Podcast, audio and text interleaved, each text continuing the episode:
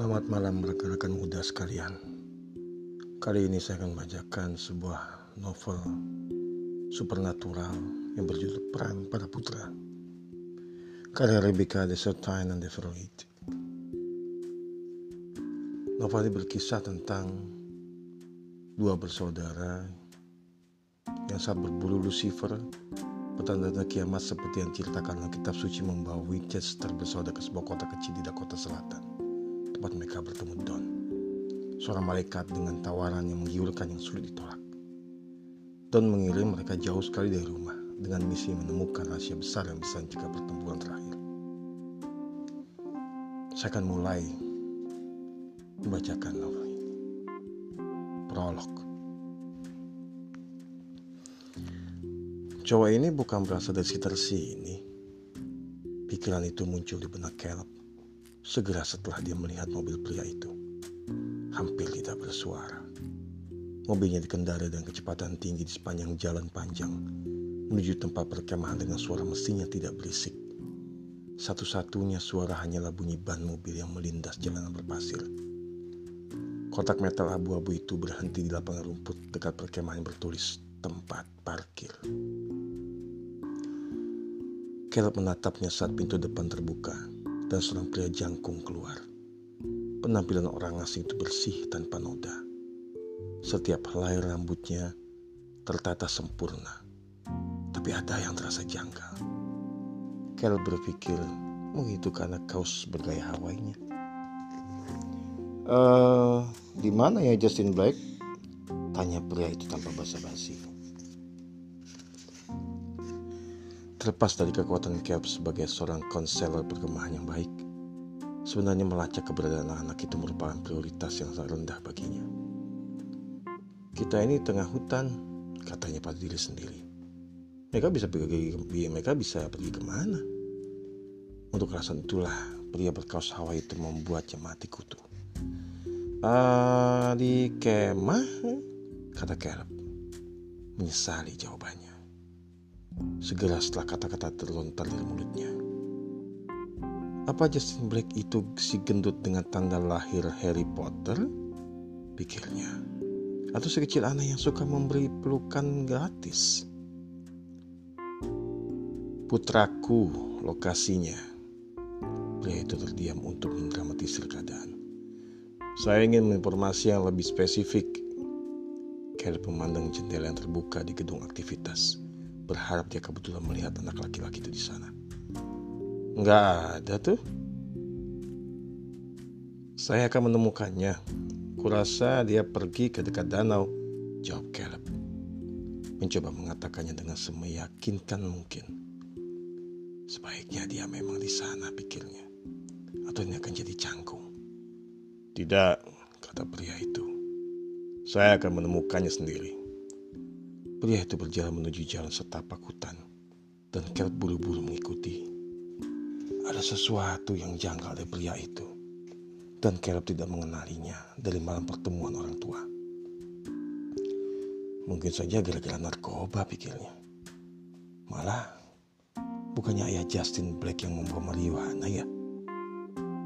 Caleb bergegas mengejar pria itu yang melangkahkan kakinya lebar-lebar. Uh, apa ada masalah ya? Tanyanya. Biasanya Ibu Justin yang menjemput. Tidak ada masalah. Pria itu memotong kalimatnya.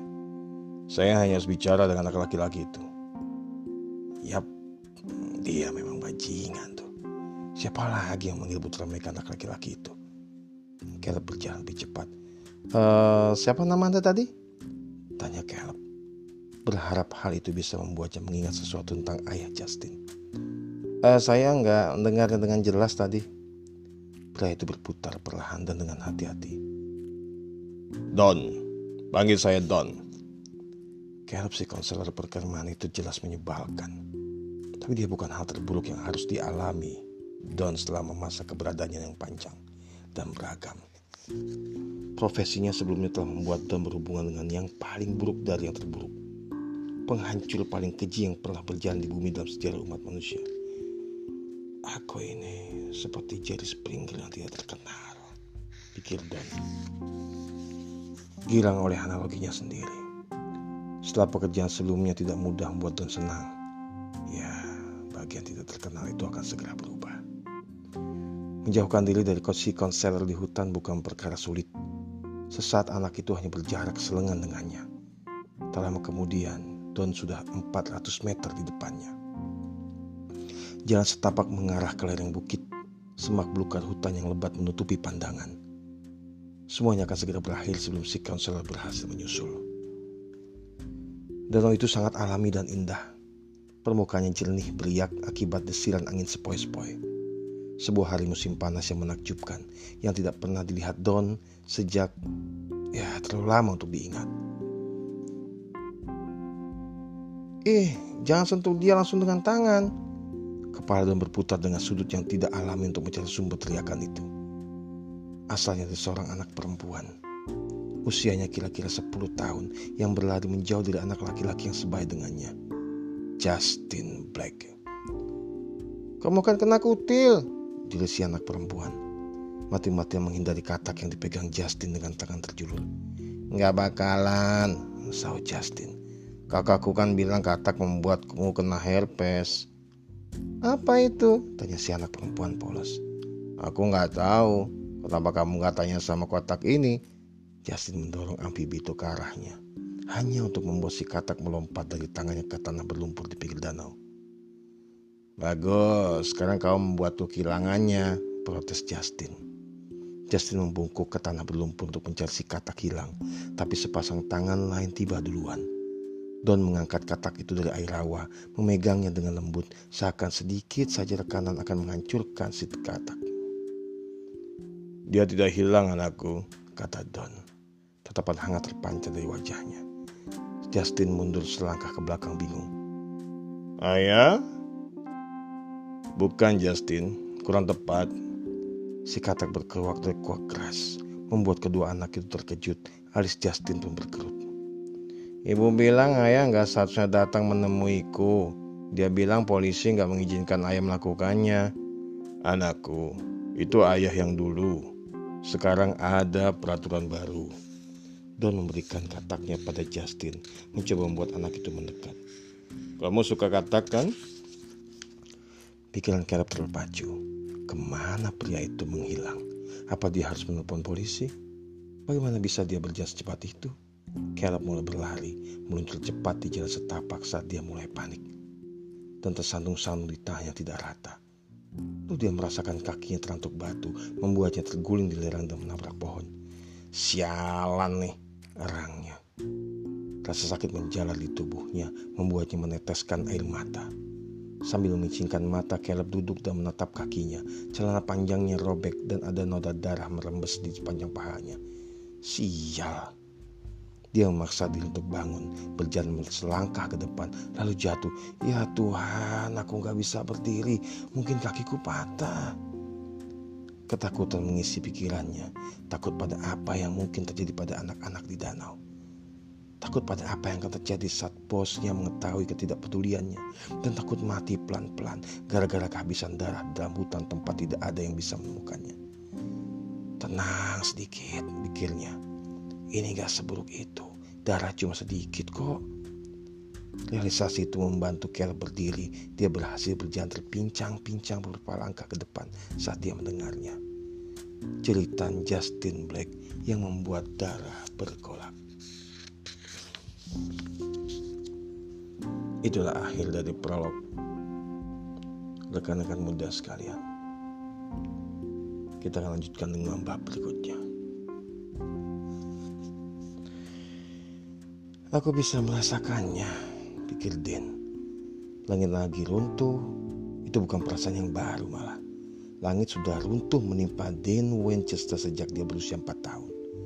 Perbedaannya tentu saja kali ini bisa jadi yang terakhir. Dan semuanya akan berakhir di sini.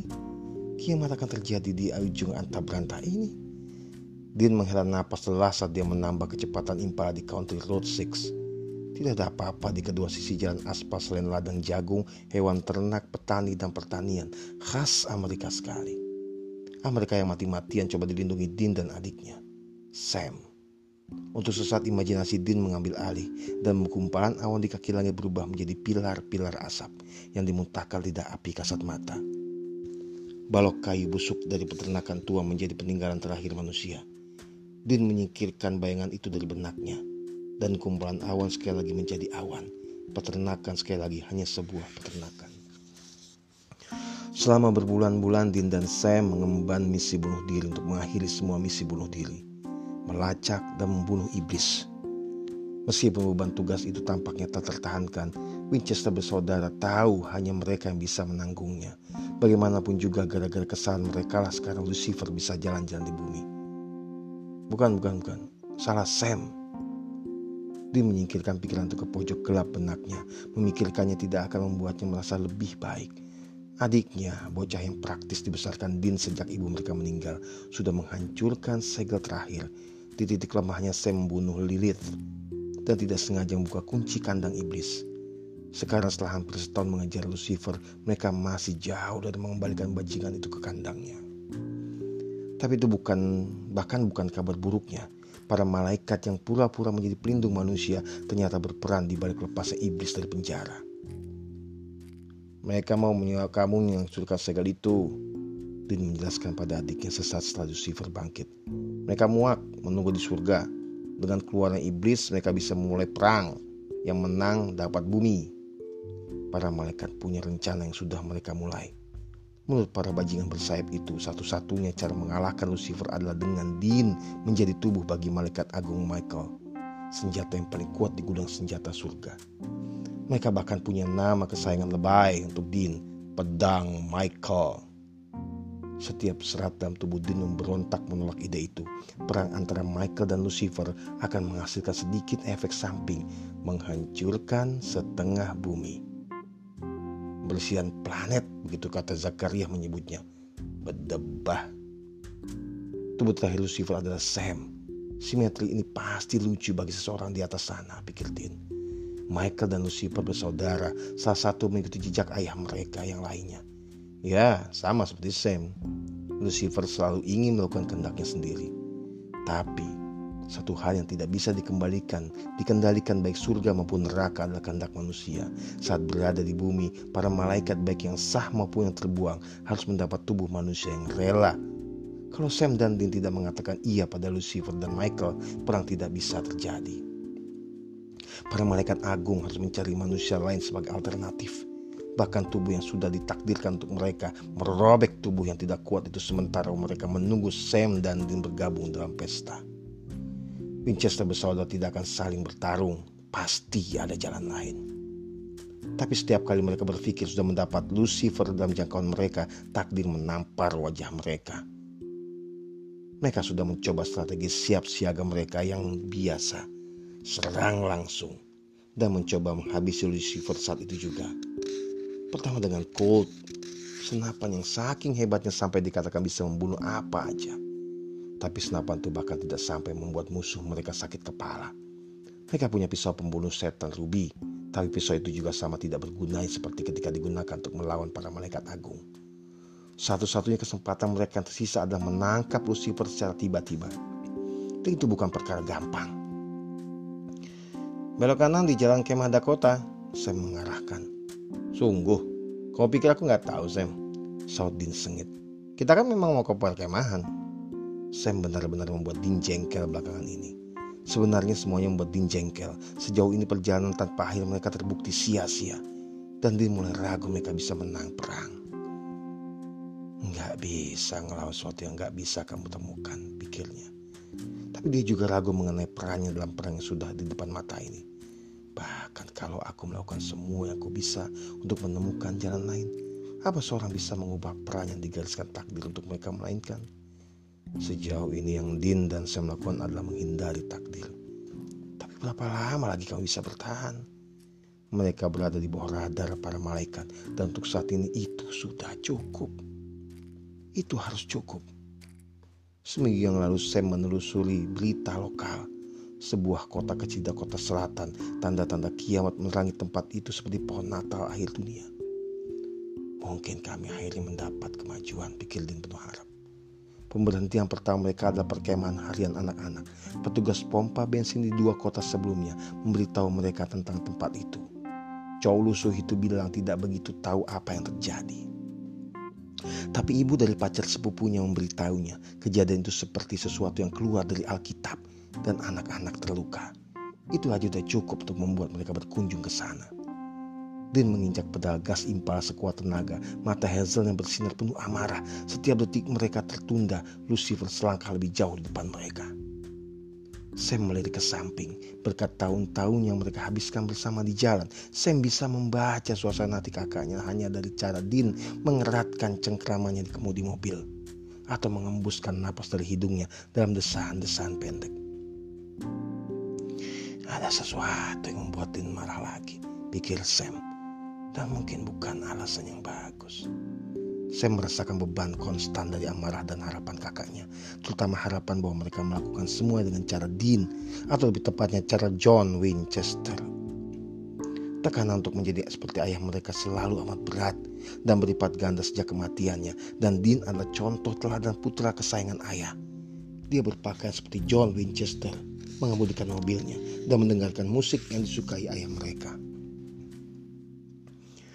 Dia bahkan berjalan seperti John. Sebaliknya, Sam berkali-kali mencoba membebaskan diri dari ayahnya dan semua hal yang diwakili John Winchester. Sekarang Sam sadar dan merasa adiknya ini sudah melenceng terlalu jauh dari jalur. Beberapa di antaranya malah teramat sangat kelewatan. Sam membuat perjanjian dengan setan, menggunakan kekuatan yang diberikan darah mereka. Semua yang tidak akan pernah John izinkan, tapi terlepas dari semua itu, Sam baik-baik saja. Dia tahu dia baik-baik saja dan dia hanya berharap Din menyadarinya juga. Dalam banyak hal, Din tampaknya percaya padanya. Tapi itu tidak berarti mereka selalu sependapat. Pertarungan terakhir sudah depan mata dan kami terjebak tepat tengah-tengahnya. Sam menekuk bibirnya. Dia merasa seolah mereka mendekati akhir dari sesuatu. Dia hanya tidak tahu akhir dari apa. Sambil melamun, saya memandang keluar jendela tepat saat impal melewati tanda dari kayu bertuliskan Kemah Witki Niki. Di sana, teriaknya sedikit terlalu keras menunjuk tanda itu. Astaga, umpat Din sambil berburu-buru berbelok ke kiri, membuat ban belakang impal terangkat naik, menerbangkan kerikil dan pasir yang mengenai pepohonan di kedua sisi jalan mesak. Pelan-pelan dong, marah Din. Dia membuka mulutnya untuk melanjutkan omelannya, lalu memutuskan tidak jadi melakukannya. Impal terlonjak-lonjak di jalan berbatu. Oke, oke, oke, kata Din. Jadi kita berhadapan dengan apa nih? Lega kemarin kakaknya berakhir, Sam meraih laptopnya. Ah, dari apa yang bisa kutemukan sekelompok orang tua ketakutan, tapi nggak ada anak-anak yang tewas. Sepertinya teman pompa bensin kita melebih-lebihkan bagian yang itu. Saya membuka halaman Greenfield, South Dakota Tribune dan membaca artikel dengan cepat. Ada posting nih di bagian komentar yang ditulis ibu histeris bernama Nancy Johnson. Ada sesuatu yang besar terjadi kemarin, tapi dia nggak bilang apa, cuma seorang pria aneh datang ke perkemahan. Kejadian itu membuat semua orang ketakutan. Tapi nggak ada apa-apa di laporan polisi, jadi secara teknis nggak ada kejahatan yang dilakukan. Wanita itu menulis mempertimbangkan keadaan yang sangat sensitif yang dialami anak-anak di Witkiniki. Sangat penting bagi setiap anak berada di bawah pengawasan orang dewasa setiap saat. Din menghentikan impala di lapangan rumput. Setelah menarik rem tangan dia menoleh pada Sam. Uh, kita ke sini karena ada Betty yang kerasukan menulis di blog ibu-ibu. Ada seorang pria aneh datang ke perkemahan harian Timi kecil. Kau bercanda kan Sam? Din berhenti sebentar untuk membiarkan rasa frustasinya mereda. Memangnya kalau ada orang buang angin di stadion yang terus kita menganggapnya jadi setan apa? Sam menghela nafas. Kadang dia merasa nggak pernah melakukan apa pun yang benar di mata dia. Ada tanda-tanda kiamat di sini. Pelayan itu bilang kejadiannya mirip yang ada di kitab Wahyu. Kamu nggak mikir itu pantas diselidiki. Saya mendorong pintu mobil untuk membukanya dan lalu dia mendengarnya. Apa-apaan itu? Ramdin muncul dari sisi lain limpala. Hiruk pikuk itu terdengar seperti ribuan klakson mobil sekarat yang berasal dari balik pepohonan. Sam dan Dean bertukar pandang. Ketegangan selama 20 menit terakhir hilang sudah. Sam mulai beraksi. Dengan telinga berdegung gara-gara suara melengking itu, dia berlari menuju bagian belakang mobil, membuka bagasi, dan mengangkat bagian dasarnya untuk menyingkap tempat rahasia persenjataan dan peralatan mereka. Dean menjulurkan tangannya ke dalam dan mengoper tanpa melihat sebuah revolver pada Sam. Dan mengambil senapan untuk dirinya sendiri. Dia menyelipkan senapannya ke balik celana Levi's usangnya dengan cekatan. Sam mengambil sekantong garam dan memasukkannya ke dalam saku kemeja. Jangan pernah lengah, pikirnya. Mendengar kata-kata ayahnya seakan-akan John Winchester berdiri setengah meter darinya. Mereka melangkah di lumpur dengan hati-hati. Suara berisik aneh itu semakin keras dan semakin keras. Saat mereka tiba di jalur berbatu yang melandai, mereka mendengar suara King berteriak. Hei, berhenti! Aku bilang berhenti! Kedua Winchester berbalik dan berhadapan dengan seorang remaja dengan wajah berbintik-bintik dan berambut merah. Beberapa senti lebih pendek dari Dean dan beberapa tahun lebih muda dari Sam. Dia berjalan terbincang-bincang ke arah mereka. Balutan yang terlihat rumit membungkus kakinya. Dia berhasil mendekat beberapa meter sebelum akhirnya mulai melompat dengan kaki yang sehat. Din melihat anak muda itu dari atas ke bawah, menatap balutan di kakinya yang berwarna hijau limau. Wow, itu luka yang lumayan parah tuh. Kamu mendapatkannya waktu main World of Warcraft? Atau mengetik berita hebat di lonelygig.com? Saya melihat wajah cowok itu langsung masam. Bagus banget tuh ya, Din. Aku mendapatkannya saat bertugas. Ya, ya satu gas ya, kata dia sambil dengir. Apa kerjaan sebenarnya? Aku konselor junior, siapa kalian? Tapi Din sudah tidak tertarik dan mulai berjalan menuruni bukit. Jangan khawatir tentang itu nak. Saya memandang punggung kakaknya yang menjauh. Lalu tersenyum pada cowok itu.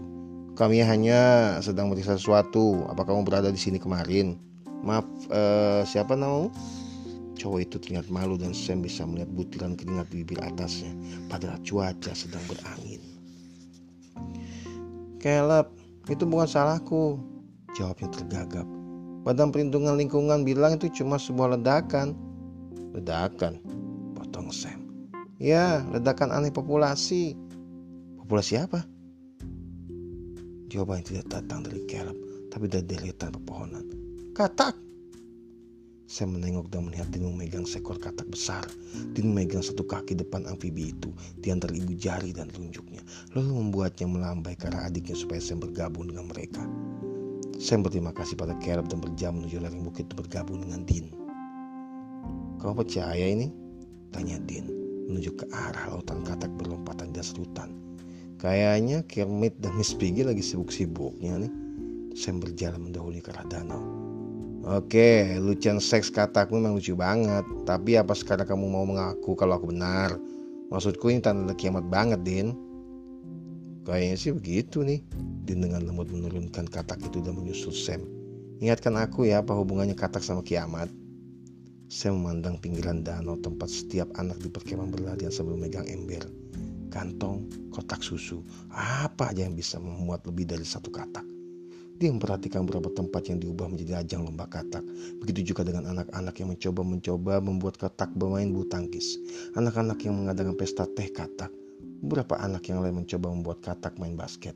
Bahkan ada satu anak kesepian yang menyiapkan beberapa katak untuk sidang bohong-bohongan. Dalam hati, lagi-lagi Sam berharap masa kecil lebih normal. Anak-anak di sini benar-benar bersenang-senang terlepas dari situasi mirip kejadian di Alkitab yang aneh ini. Sam menoleh ke arah kakaknya. Dalam kitab keluaran, Tuhan membuat hujan katak turun di atas orang Mesir sebagai hukuman karena enggak membebaskan orang Israel. Dan jika kamu menolak untuk membiarkan mereka pergi, lihatlah, aku akan menyerang semua perbata, perbatasanmu dengan kata-kata. Oke, jadi katak itu buruk, tapi anak-anak ini senang banget, nggak kelihatan buruk-buruk amat bagiku. Saya mengangkat bahu, dia tidak punya semua jawaban. Caleb tertati-tati menurun di bukit dan menyusul mereka. Maaf, aku belum tahu nama kalian, katanya. Din membersut padanya. Kenapa nggak kamu ceritakan pada kami bagaimana semua kata ini bisa di sini? Caleb mengangkat kedua tangannya jengkel. Sama seperti yang aku katakan pada Tuan Butler. Berapa kali aku semangat jelaskannya. Siapa Tuan Butler? Tanya Sam. Bosku. Jawab Caleb sambil mutar bola matanya. Ay, Justin Black tiba-tiba muncul kemarin. Aku nggak benar-benar tahu kalau dia seharusnya nggak boleh menemui putranya. Pria itu bertingkah agak aneh. Dan hal berikutnya aku tahu dia ada di danau bersama anak-anak lalu nerakain mereka nerakain lepas nih. Dia mengamati anak-anak berlarian nyaris histeris. Kekacauan gara-gara katak, berapa konselor yang terlihat lelah mencoba dan kebanyakan gagal untuk mengatur mereka. Di mana Justin Black? Din dan Sam berjalan berhasil menuju aula besar yang terbuat dari kayu untuk ruang makan. Di dalamnya, Justin Black kecil duduk di sebuah meja panjang, tubuhnya gemuk dan pendek, memakai kaos garis-garis yang satu nomor kekecilan dan celana pendek kargo yang 12 cm kepanjangan. Din bisa menebak Justin bukan anak paling populer di kemah Witwiki. Din sendiri pasti akan mengerjainya. Wajah Justin merah dan terlihat habis menangis. Seekor katak besar duduk di pangkuannya. Jemarinya mengus-ngus kepala data si katak seolah hewan itu seekor golden retriever. Justin, sapa Zembot. Anak laki-laki itu menengadah dengan curiga. Justin, hai, aku Sam dan ini kakakku Din. Din menggemetarkan giginya. Pakai nama samaran Sam, nama samaran. Cowok ini benar-benar lemah sama anak kecil. Justin, kami tahu ayah data ayahmu datang kemari untuk menemui kemarin. Apa itu pertama kalinya kamu bertemu dengan belakangan dengannya belakangan ini? Sam berjalan menuju bangku di sebelah Justin dan anak itu menganggukkan kepalanya. Aku nggak seharusnya bertemu dengan ayah sampai dia membayar semua tunjangan pada ibuku, gumamnya. Dia terisak dan menyeka hidungnya yang meler dengan punggung tangan. Maksudmu tunjangan anak? Tanya Sam. Iya, kata Justin, matanya tetap menatap meja. Saya mencondongkan tubuhnya sedikit ke arah Justin. Kamu tahu jenis apa kata ini? Tanyanya. Ini Rana Kates Briana Bullfrog Amerika, jawab Justin sambil sedikit menyedot hidungnya. Oh, tentu saja, kata Sam dengan lembut menyentuh kepala si katak. Uh, Justin, apa ayahmu terlihat normal kemarin? Hmm, apa maksudmu? Justin menjauhkan kataknya dalam diri jangkauan Sam. Apa kamu mengenalinya? Tanya Dean penuh selidik. Dia menekankan tangannya ke atas meja dan mencondongkan tubuhnya ke depan Justin. Sam memberi kakaknya tatapan peringatan yang artinya Dean jangan bersikap terlalu keras. Dia itu ayahku, saud Justin. Bukan itu maksudku, aku tahu dia ayahmu, tapi apa kamu melihat ada yang berbeda darinya? Din bersikeras. Ya mungkin seperti Jasi tidak menyelesaikan kalimatnya saat dia memeriksa kataknya. Mungkin seperti apa? Mungkin tidak dia tidak seperti biasanya kasar. Mata besar dan berkaca-kaca Justin berdua pandang dengan mata Din. Apa menurutmu dia benar ayahmu Justin? Tanya Din membungkuk sehingga kepala sejajar dengan kepala Justin. Tentu saja dia membawakan benda favoritku. Justin mengubah posisi duduknya. Apa itu? Justin menatap Dean seolah memandangi orang idiot. Kataklah, apalagi? Sam dan Dean kembali ke impala. Oke, jadi ayah anak itu muncul setelah lama nggak melihatnya. Cowok itu dulunya brengsek dan sekarang dia membawakan Justin banyak banget tanda kiamat favoritnya. Memangnya toko mainan kehabisan pistol air apa? Dia menekankan jari-jari ke dahi mencoba meredam sakit kepala yang mulai berdenyut-denyut. Siapa sih cowok ini? Bagaimana kelanjutannya? Ikuti episode selanjutnya. Selamat malam.